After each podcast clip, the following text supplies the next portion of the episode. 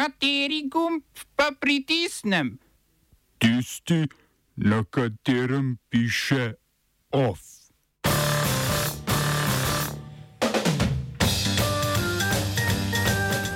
Mitsotakis uspel z volilnim manevrom in bo znova grški premijer. Višje sodišče v srpskem kraljevu izpustilo tri kosovske policiste, a proti njim potrdilo obtožnico. Nemčija uvedla kartico priložnosti za kvalificirane migranske delavce. Slovenska demokratska stranka v interpelacijo Bešiča Loredana.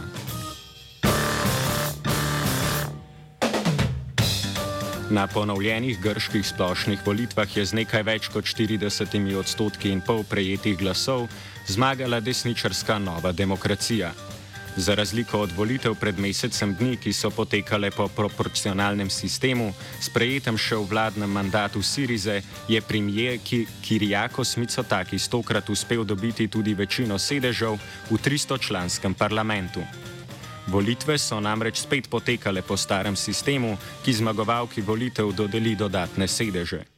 Zato je kljub temu, da je nova demokracija prejela okrog 300 tisoč glasov manj kot pred mesecem dni, Mitsotakis uspel s svojim manevrom, ki mu je zagotovil nov mandat na čelu grške vlade. Po prejšnjih volitvah ni želel sprejeti mandata, saj bi moral sestaviti koalicijsko vlado. Na drugem mestu je, tako kot pred mesecem dni, pristala Siriza, ki je izgubila nekaj več kot 2 odstotka glasov. Na tretjem mestu je prav tako kot pred mesecem dni socialdemokratska stranka PASOK. V primerjavi z volitvami pred mesecem dni je na volitve šlo več kot 800 tisoč voljivcev manj.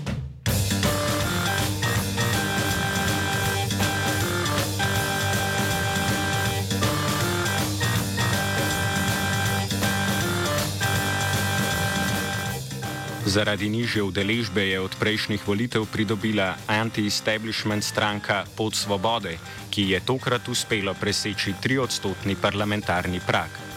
Gre za stranko, ki se po eni strani zauzema za revizijo in odpis državnih dolgov, po drugi pa se bori proti cepljenju in sporazumu, ki je s preimenovanjem Severne Makedonije umaknil grško blokado za vstop nekdanje Jugoslovanske republike v Evropsko unijo. Doma so očitno ostali predvsem voljivci levice, saj so se v, v parlament, poleg nove demokracije, ki je dominantna desna opcija, prebile še tri manjše desničarske stranke. Grška rešitev je v parlament prišla že na majskih volitvah. Novi pa sta stranka Zmaga, v kateri poudarjajo vrednote krščanskega pravoslavja, in stranka Špartanci. Vrhovno sodišče je strankam povezanim s fašističnimi organizacijami prepovedalo kandidirati na majskih volitvah. Tokrat pa je stranki Špartanci Vrhovno sodišče dovolilo nastop na volitvah. Špartance je iz zapora podprl Ilijas Kasidjaris, eden vodilnih v prepovedani fašistični stranki Zlata Zora.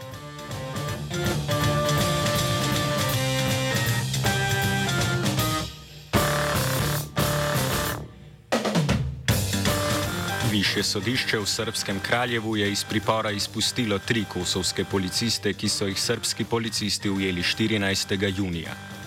Po trditvah srpske policije so jih aretirali na ozemlju Srbije. Kosovska vlada trdi, da so jih srpski policisti ugrabili na ozemlju Kosova.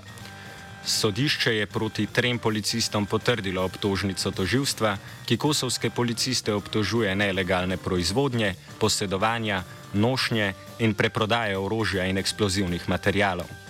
Obtožb se bodo policisti, katerih izpustitev je bila med zahtevami Evropske unije in Združenih držav Amerike, tako branili s protesti. Prostosti. Kosovske policiste so srpski aretirali, medtem ko so se na večinsko srpskem severu Kosova potekali protesti proti županom albanske narodnosti.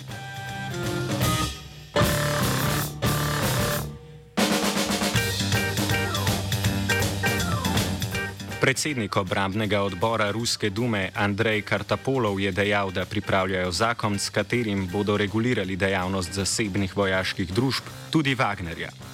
Po mnenju Kartapolova ni razloga za prepoved tovrstnih skupin, Borci Wagnerja pa niso kršili ničesar, saj so sledili ukazom svojih poveljnikov, torej Evgenija Prigožina. Prigožin je v soboto rusko obrambno ministrstvo obtožil napada na Wagnerjevce in razglasil pohod proti Moskvi. V nasprotju z interpretacijami zahodnih opazovalcev, Prigožin ni razglasil upora proti predsedniku Vladimirju Putinu, ampak je dejal, da bo kaznoval uslužbence obrambnega ministrstva. Prigožin je, kakor je trdil, prevzel nadzor nad vojaškim poslopjem v Rostovu na Donu. Wagnerjevcem pa je severneje uspelo priti 50 km naprej od Voroneža, kjer je na vozila z vojaki in tovornja, tovornjaka s tankoma streljal helikopter. Putin je v nagovoru državljanov Prigožinova deja, dejanja označil za nož v hrbet, a posredoval je beloruski predsednik Aleksandr Lukašenko in se je s Prigožinom dogovoril za umik v Belorusijo. Prigožin je dejal, da se bo Wagner umaknil, da se izogne prelivanju ruske krvi. Sodeč po sporočilu iz Kremlja, bodo Wagnerjevi vojaki, ki so sodelovali v Prigožinovem podvigu, vključeni v rusko vojsko ne bodo pa jih preganjali. Kaj točno bo z Wagnerjem, ki pri pozicijskem branjenju na fronti Ukrajini ni imel vloge, še ni znano.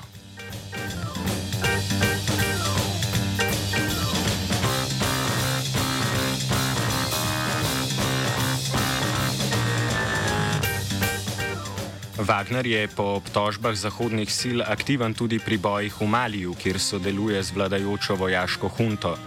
Volilna komisija v Maliju je sporočila, da je 97 odstotkov voljivcev na referendumu podprlo spremembe ustave.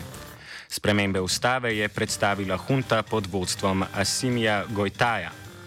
K spremembi ustave so hunto prisilile države Zahodnoafriške gospodarske skupnosti, ki so pred letom dni umaknile sankcije proti Maliju v zameno za prehodna na civilno oblast in organizacijo volitev leta 2024 sprejemna ustava večjo moč podeljuje predsedniku. Ponovem je on in ne vlada tisti, ki določa politike države. Predsednik bo po ustavi lahko imenoval in odpoklical premijeja ter ministre, vlada pa bo odgovarjala predsedniku na mesto parlamentu, kakor doslej.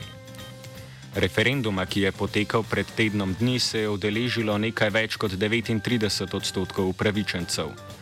Tik pred referendumom je malijska hunta Združene narode pozvala, naj ne mudoma odpokličejo 15 tisoč vojakov z mirovne misije v državi. Mandat misije poteče konec junija. Prav tako se iz Malija od lani umikajo francoski, britanski in nemški vojaki.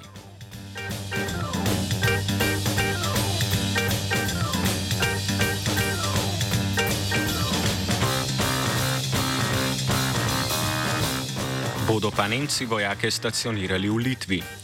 Nemški obrambni minister Boris Pistorius je med obiskom Litve naznanil, da je Nemčija pripravljena v Litvi stalno namestiti 4000 vojakov. V Litvi ima Nemčija okrog 20 svojih vojakov, ki vodijo NATO v tisoččlanski bataljon.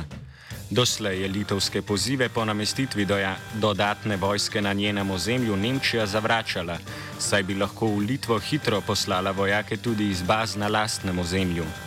Do 7. julija Nemčija in Litva na ozemlju Litve izvajata skupne vojaške vaje, namenjene treningu obrambe NATO-vega vzhodnega krila.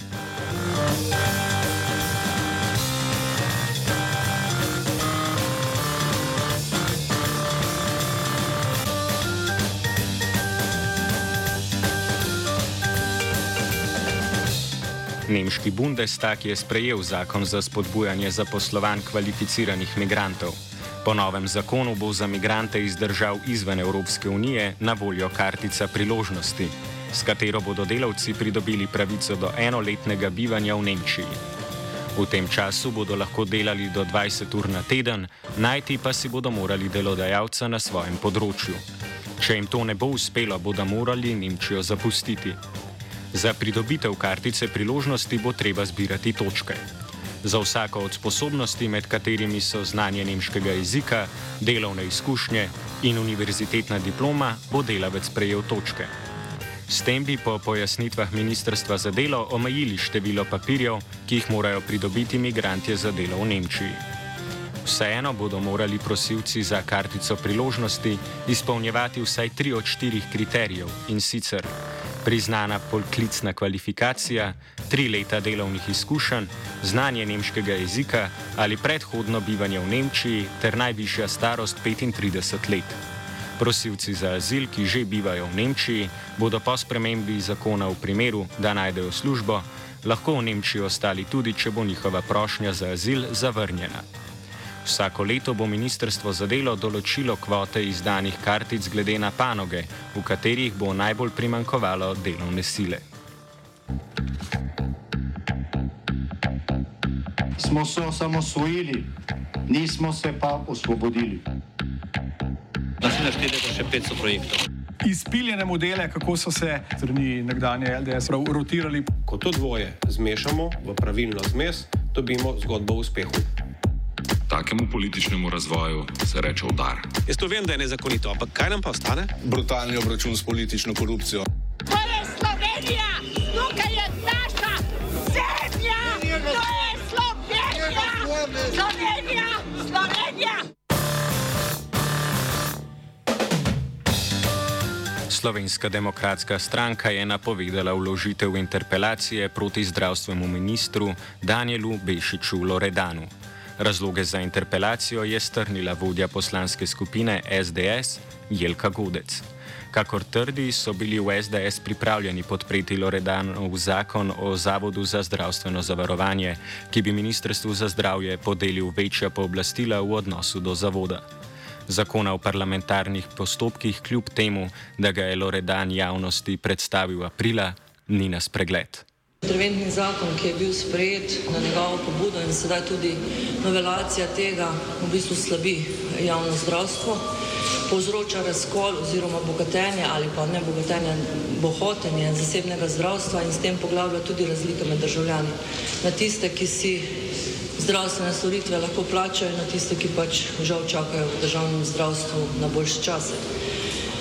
Druga zadeva, ki pa je, je pa v bistvu neizpolnjevanje lastnih obljub, lastnih časovnic.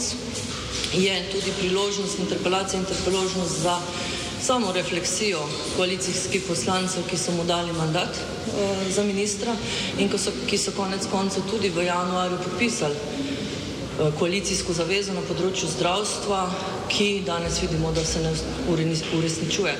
Če samo en primer ali pa dva.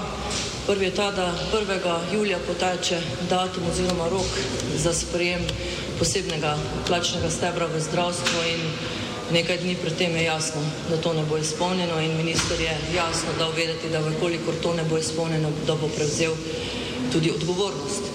Druga zadeva je uh, stvar uh, zdravstvene zavarovalnice, ker je minister dejal, da je to srž problema pa vidimo, da od teh sprememb na naši glavni zdravstveni zavarovalnici ne bo nič. Mi smo v poslanski skupini Slovenske demokratske stranke bili celo pripravljeni podpreti spremembe, ki so bile napovedane. Žal pa torej danes opažamo, da zakona na področju torej sprememb, ki bi prenesle spremembe zdravstveni zavarovalnici, ne bo. OF je pripravil Martin. OF.